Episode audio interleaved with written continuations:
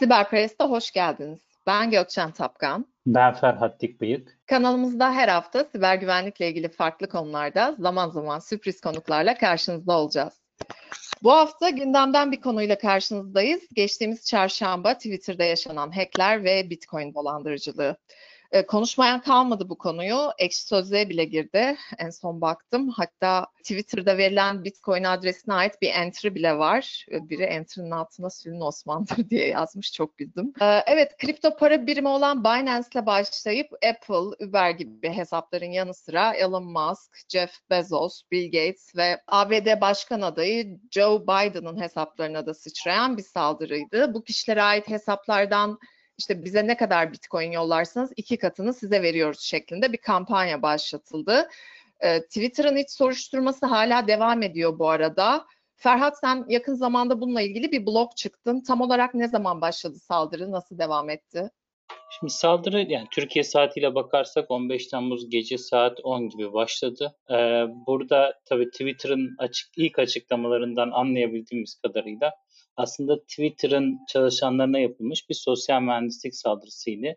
Admin panellerinin ele geçirilmesi üzerine yapılmış. İlk açıklamalar bu yöndeydi. E, bu tabii alışmış olduğumuz bu kripto para dolandırıcılığı yöntemlerinden biraz farklı. Çünkü daha öncesinde Twitter üzerinden bu dolandırıcılıklar yapılıyordu. Bizim için yeni bir bilgi değil bu kesinlikle. Fakat e, bununla ilgili işte çok ben de araştırma yaptım bildiğin gibi. Genelde yapılan şuydu. Bu verified denilen mavi tikli ya da onaylı hesapların bir şekilde hesapları ele geçiriliyordu. Daha sonra isimleri değiştiriliyordu. Mesela onaylı bir e, hesap ele geçirilmiş. İsmini Elon Musk olarak değiştiriyorlardı ve daha sonra da işte Elon Musk sanki böyle bir e, kampanya başlatmış gibi yapıyorlardı. E, ve kullandıkları phishing domainler, oltalama domainleri de işte şirket isimlerini çağrıştıran SpaceX.sh gibi mesela domain adları vardı. Ve buralara girdiğiniz zaman bir tane kripto para cüzdan adresi var. Oraya para gönderiyorsanız size iki katını göndereceklerini vaat ediyorlardı. Vaat değişmedi, yöntem değişti. Zaman içerisinde zaten biraz daha değiştirmişlerdi yöntemleri. Çünkü eğer tweet'in içerisine bir URL koyarsanız bu çok çabuk tespit ediliyordu ve tweet e, direkt olarak flagleniyordu, işaretleniyordu dolandırıcılık diye. Fakat daha sonraları resim koymaya başladılar. Yani o sitenin ya da URL'in resmini koyuyorlardı. Resmin içindeki URL'i anlayamadığı için Twitter çok kolay anlaşılmıyordu. Şimdi olayı çok daha ileri bir boyuta taşımışlar. Hiç beklenmedik bir şekilde direkt Twitter üzerinden hesapların kontrolünü ele geçirmişler ve ee, yine URL kullananlar da olmuş. Özellikle işte bu kripto para şirketlerini işte Binance gibi, e, diğerleri gibi. Onların içerisinde URL kullananlar da olmuş ama ünlü isimler Twitter adreslerinde direkt cüzdan adresini tweetin içerisine koymuşlar. Bu da aslında bir nebze tespit edilmesini e, zorlaştırdı otomatize olarak. Zaman içerisinde tespit edilebilen bir şeye dönüştü.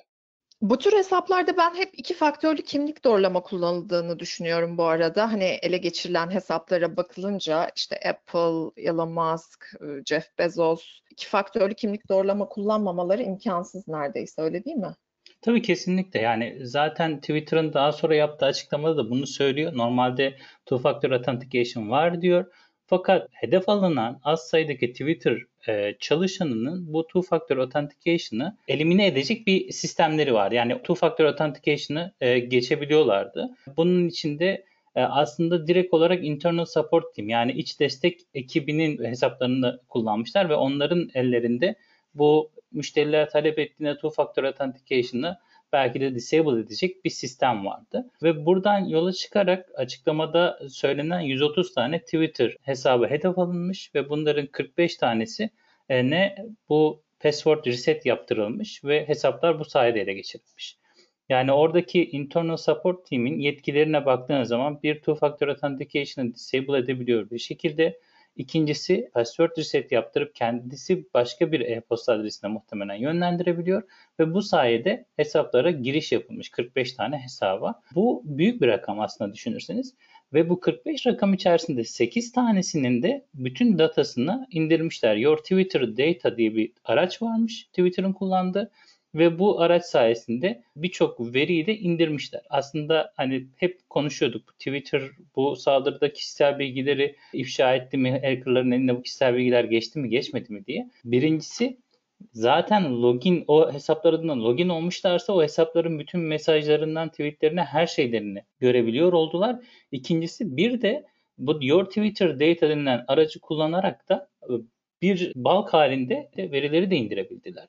Yani bunlar çok büyük aslında olaylar baktığın zaman. Çok ilginç ama o 8 tane Twitter hesabı, verilerini indirdikleri Twitter hesabı verified, mavi tikli ya da onaylı dediğimiz hesap türlerinden değilmiş. Twitter'ın ilk yaptığı açıklamalar bu yönde. Bir başka ilginç durum Twitter'ın yaptığı açıklamada bu saldırganlar hangi bilgilere erişti diye 3 e, madde koymuşlar. Birincisinde daha önceki şifrelerinizi vesaire görmemişlerdir. Çünkü biz daha önceki şifreleri tutmuyoruz dediler ama mevcut şifreyi görmediklerini söylemiyorlar. Yani mevcut şifreyi zaten değiştirdikleri için muhtemelen onu da görmemişlerdir ama admin paneli üzerinden görme imkanları var mıydı yok muydu orası meçhul. Çünkü açıklamada sadece previous account passwords diye yani daha önceki hesap şifrelerini görmediler diye bir ifade var. E, ikincisi işte e-posta adresi, telefon numarası gibi e, kişisel bilgilerin e, göründüğünü söylüyorlar ve ele geçirilen hesapla ilgili daha fazla bilgi ele geçirilmiştir deyip kesip atmışlar ama bu bilgilerin ne olduğuna dair ayrıntıları vermemişler. E, görünüyor yaptıkları açıklamada. Bununla ilgili olarak tabii hani şimdi two factor authentication'ı atlatmanın farklı yolları vardı. Eskiden 2019'da da Twitter böyle bir olay yaşadı aslında. E, o zaman yanlış hatırlamıyorsam 900 tane hesap ele geçirilmişti. Ve orada sim swap dediğimiz olay vardı. Yani e, bu sim sağlayıcılarını kandırıp kendi telefon numaralarını o hesaptaki kişinin telefon numarası gibi gösterme üzerine e, bir işte sim klonlamada yapılan, onun da devreye girdiği bazı e, atraksiyonların olduğu bir olaydı ama çok zahmetli bir iş aslında o. Burada daha temelden çözmüşler işi. Direkt Twitter çalışanlarının hesaplarına ele geçirmişler. Tabii bu arada konuyla ilgili çok güzel yazılar da çıktı. Özellikle Arka Kapı dergisinde Ulaş Fırat Özdemir'in Twitter çuvalladı yazısı e, durumu çok güzel özetleyen Türkçe içeriklerden bir tanesi.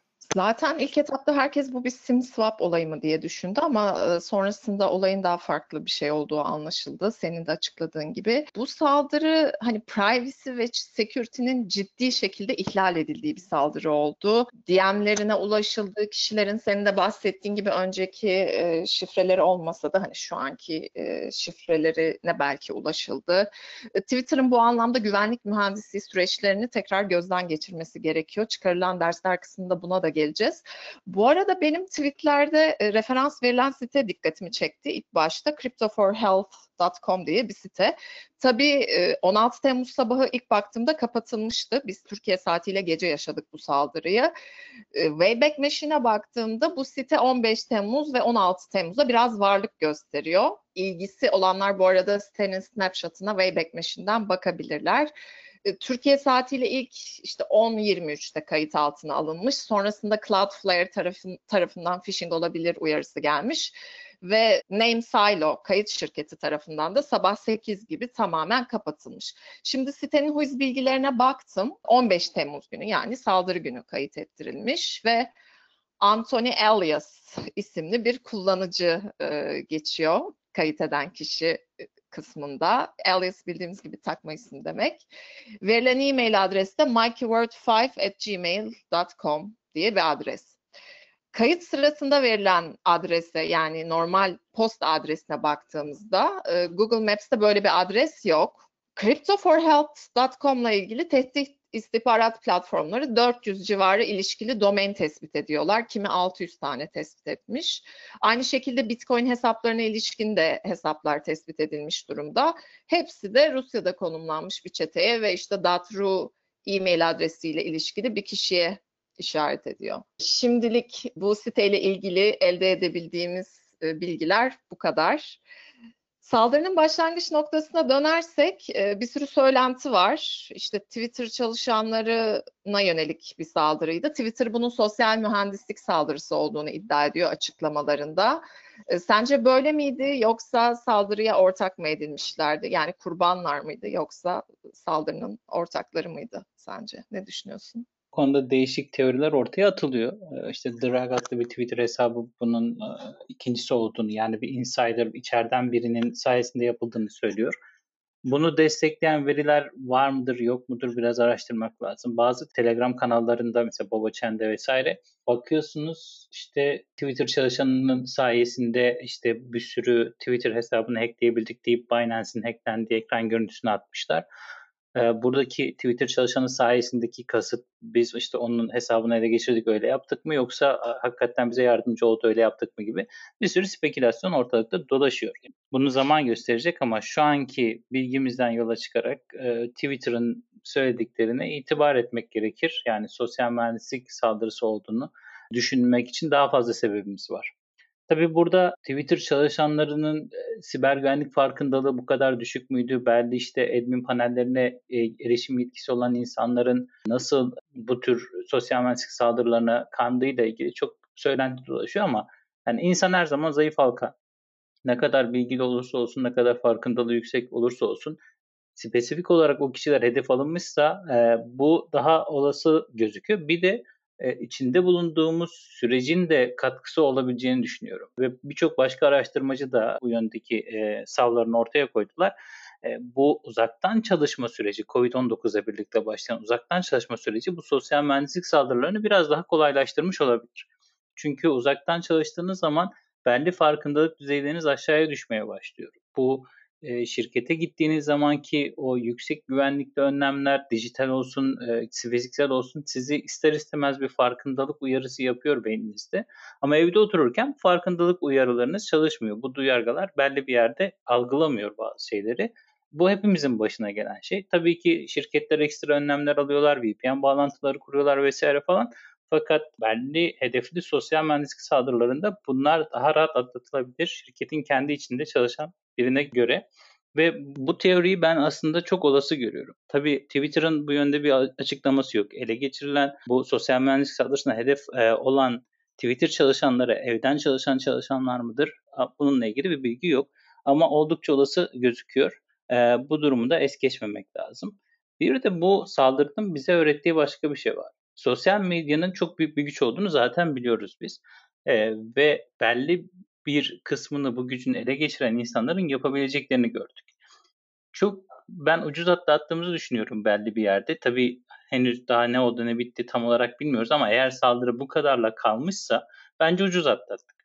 Bu kadar önemli hesapları ele geçirip insanların sadece kripto para dolandırıcılığı yapmış olması çok çok ilginç bir durum. Çünkü büyük isimler ele geçirilmiş. Yani bu piyasaları manipüle etmekten tutun e, büyük işte devlet adamlarının hesapları ele geçirilseydi belki savaş çıkartacak ya da daha büyük siyasi krizler oluşturacak olaylar olabilirdi. Joe Biden mesela başkan adayı bir insan. Ee, onun hesabı dahi ele geçirildi. Eski başkan Obama'nın hesabı ele geçirildi.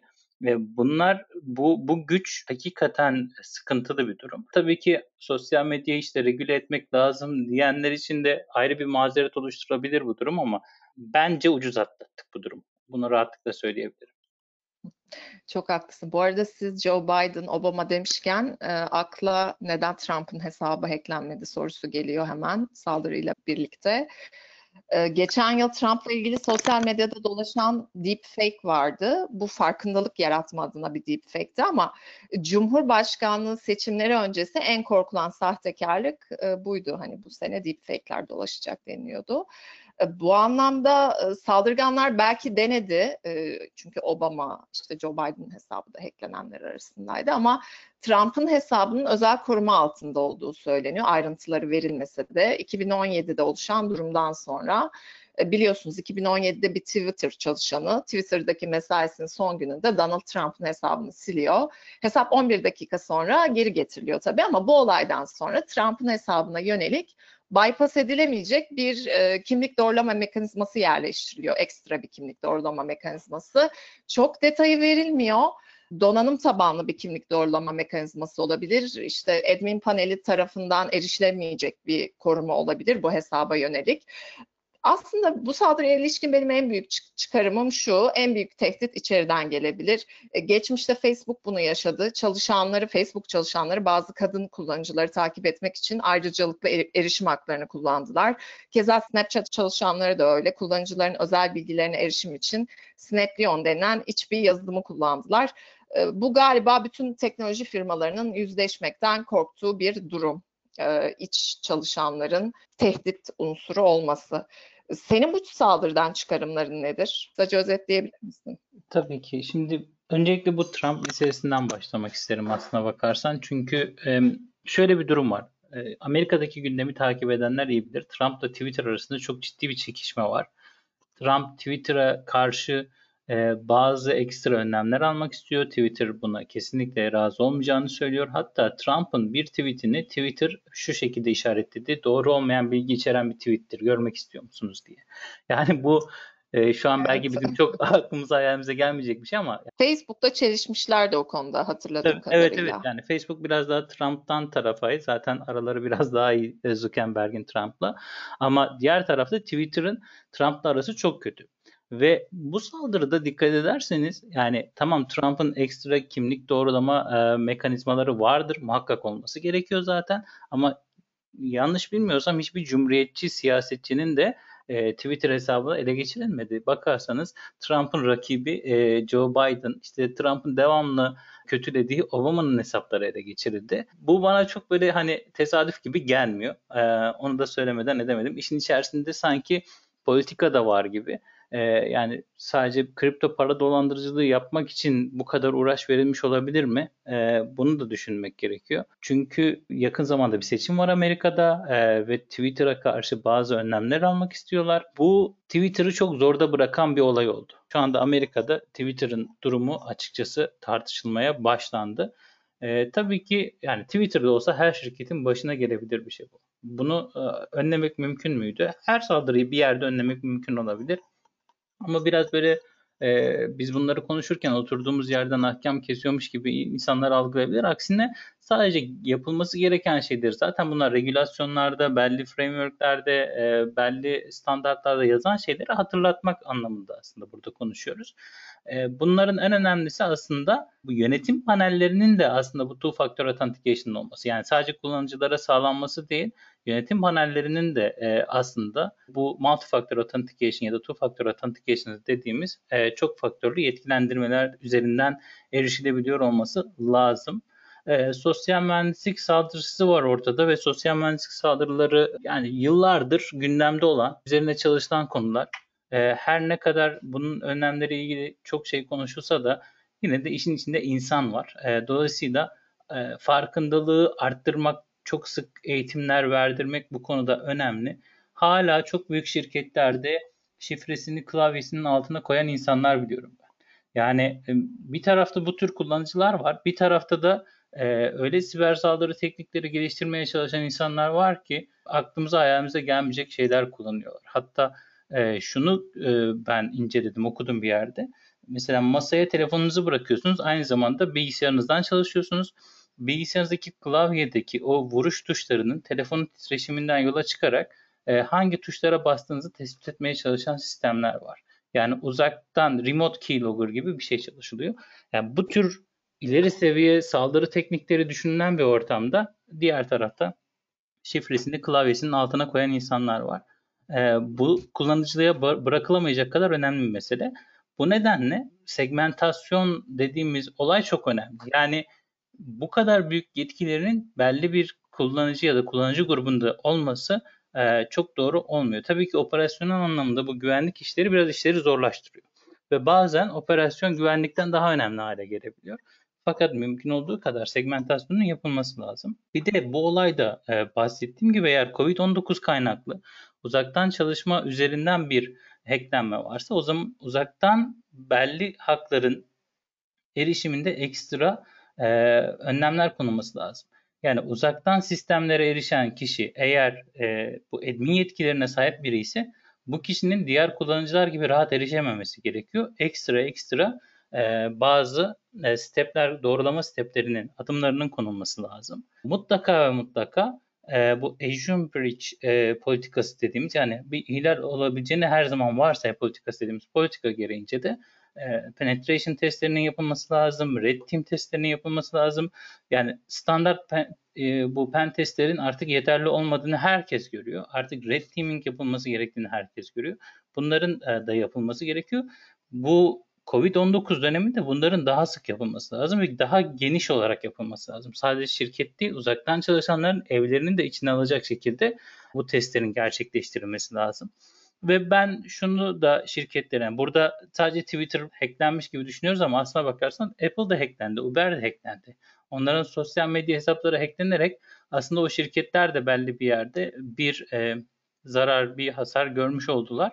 E, dolayısıyla bu şirketlerin de sosyal medyayı bir e, üçüncü taraf olarak görmesi lazım. İşte geçen haftaki gündemimize biraz gönderme yapmış gibi oldum ama yani bu üçüncü tarafların da güvenliğinin e, düzenli olarak monitör edilmesi gerekiyor kanaatimce. Twitter'ın açıklamalarında da okuduk zaten. Bundan sonra sürekli olarak çalışanlarımızı phishing testlerine maruz bırakacağız e, şeklinde bir açıklamaydı.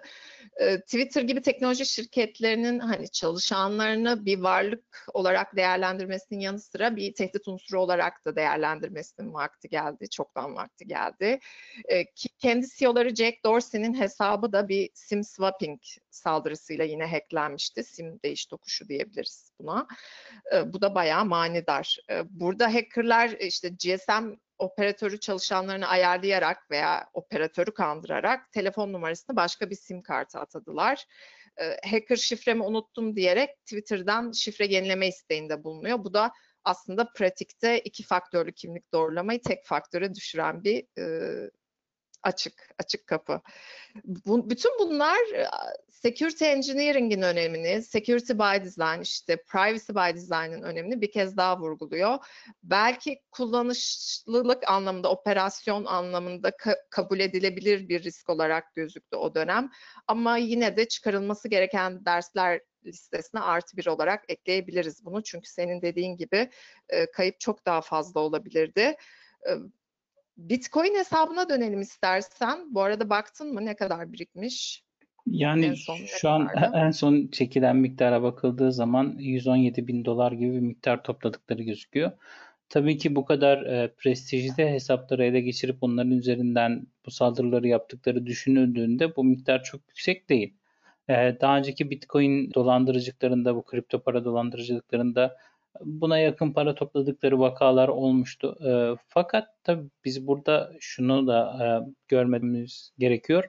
E, Bu sadece acaba kripto para dolandırıcılığı mıydı? Altında başka motiv motivasyonlar var mıydı? Başka e, amaçlar var mıydı? Bunları şu an için bilemiyoruz. Sadece tahminlerde bulunabiliyoruz. Tabii bu Bitcoin e, çok çok kullanılıyor siber saldırganlar tarafından. İşte takip edilemeyeceği vesaire falan e, öne sürülüyor. Bu Bitcoin'in şeffaflığına bakarak sence bu parayı aklayabilirler mi? Şimdi borsaların bu Bitcoin hesabını ve ilişkili hesapları kara listeye aldığı söyleniyor ama birçok yöntem var. İşte Bitblender var, CoinMixer var. E, binlerce değişik e, cüzdana bölüp ona gönderip daha sonra bu aracılar vasıtasıyla yeni cüzdanlara aktarabilirler. Dolayısıyla e, takip edilebilirliği bir ölçüde azaltabilirler. Bildiğiniz gibi Bitcoin e, secure, güvenli bir sistem. Hackerlar, dark web kullanıcıları gibi işte suçlular genel olarak CoinMixer, işte Bitblender gibi hizmetleri kullanarak o paralardaki lekeleri bir nebze olsun aklayabiliyorlar. Bunun dışında daha mahrem para birimlerine aktarma yapabilirler. Monero gibi. Bunlara zaten giriş yaptıkları anda bu Bitcoin'lerin e, izleri takip, takip edilemiyor. Siberperest'te bugün Twitter hacklerinin arka planını konuştuk. Dediğimiz gibi Twitter hala araştırma sürecinde ve gün ışığına çıkmayan bir sürü mesele var sizin de okuduğunuz gibi. Umarım keyif almışsınızdır. Haftaya sürpriz bir konuğumuz var. Onunla sosyal medya istihbaratı üzerine konuşacağız. Kanalımıza abone olmayı unutmayın.